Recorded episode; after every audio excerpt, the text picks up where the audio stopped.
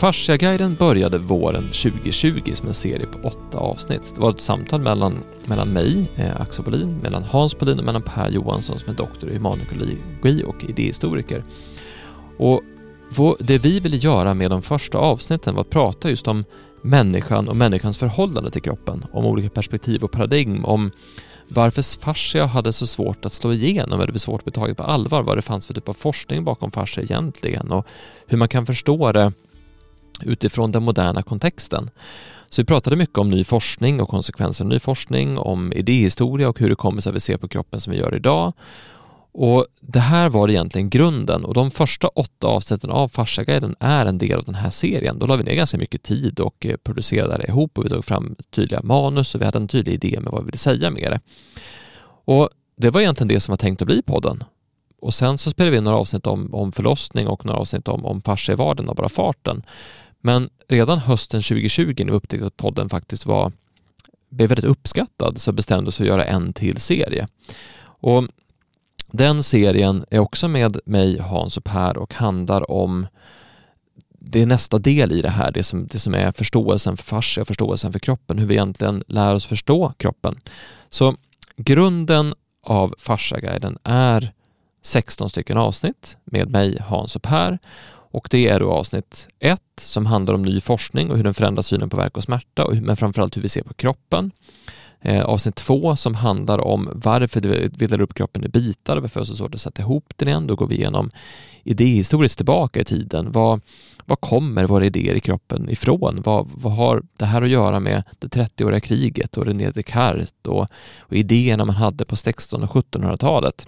Och vad har det att göra med den katolska kyrkan? Eh, I avsnitt 3 så pratar vi om vad fascia är och hur man upptäckte fascia och hur nya forskare upptäckte de här nya cellerna, det här nya organet och hur den här forskningen började komma fram, men också om hur vi hamnade här. Hur började vi intressera oss för fascia och vad var vår upptäcktsresa till en början? I avsnitt fyra så pratar vi om hur fascia fungerar och hur fascia hjälper oss att förstå andra vanliga problem på ett annat sätt, alltifrån ryggvärk till cancer, men även hur man förstår vad en kropp är och vad en kropp gör och hur man kan ta hand om sig på ett bra sätt.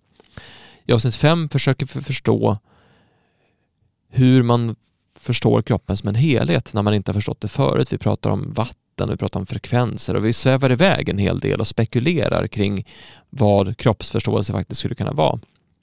I avsnitt 6 pratar vi om hur läkarutbildningen, var den kommer ifrån. Hur kommer det sig att man bedriver vård på det sätt man bedriver vård om idag? Vad är den historiska förklaringen till det? Varför är det så uppstyrt som det är och hur gick det här hand i hand med, med hur samhället utvecklades? Och varför finns det en inbyggd tröghet till förändring i den typen av system?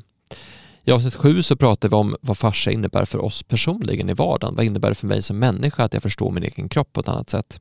Och I avsnitt åtta så pratar vi om hur vi som kultur ser på nutid, dåtid och framtid och varför det är problematiskt för våra kroppar att vi lägger all lycka i framtiden, att vi sällan är här och nu eller kan förstå vår historia och var det här kommer ifrån.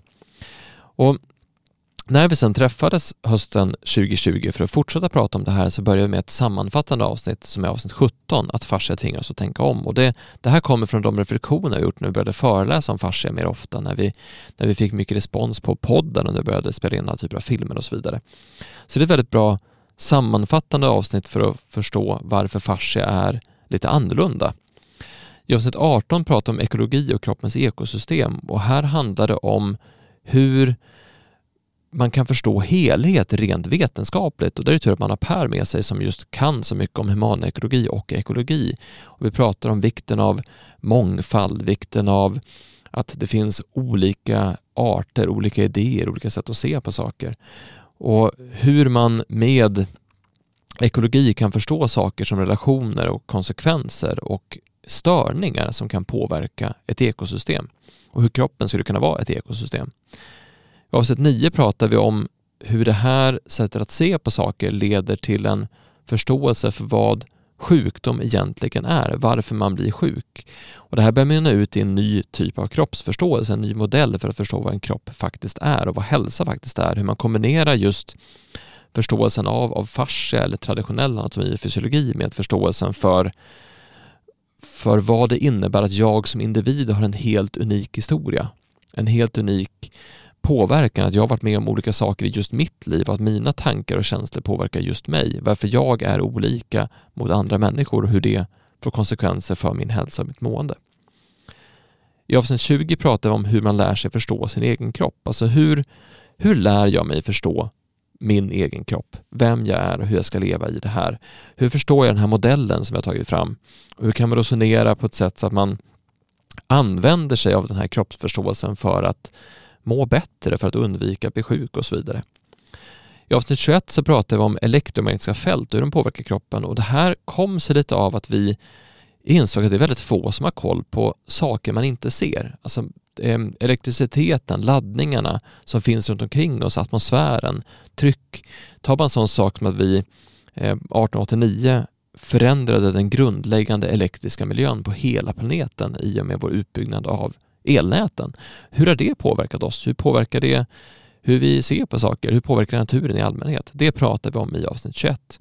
I Avsnitt 22, som är ett av de våra mest populära avsnitt som, som vi har, så pratar vi om hur tankar och känslor påverkar kroppen, var våra idéer kommer ifrån och hur, vi, hur en idé kan stå i vägen för, för läkning. Vi pratar om placebo, nocebo och hur, hur tankar kan vara både skadliga och positiva.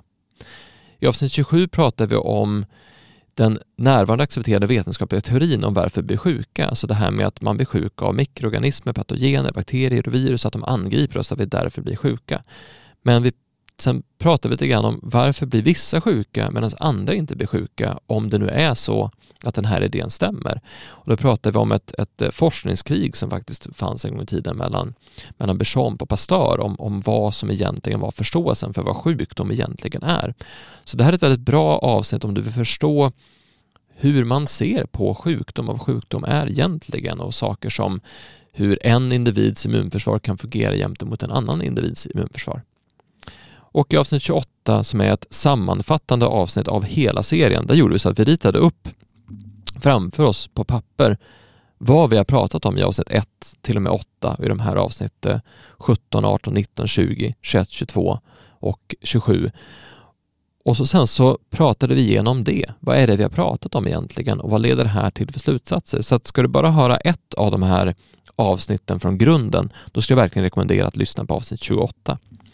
Så de här avsnitten är väldigt bra om det, som de första avsnitten du hör av Farsägaren och har du inte hört dem så är de ganska värda att lyssna på och har du inte hört dem på länge kan det vara värt att lyssna om på dem och gärna i följd därför de lyfter fram ett speciellt sätt att tänka på som kan vara användbart när man ska förstå kroppen på ett sätt med allt det som har hänt i vår kroppsförståelse. Så en varm rekommendation att börja där.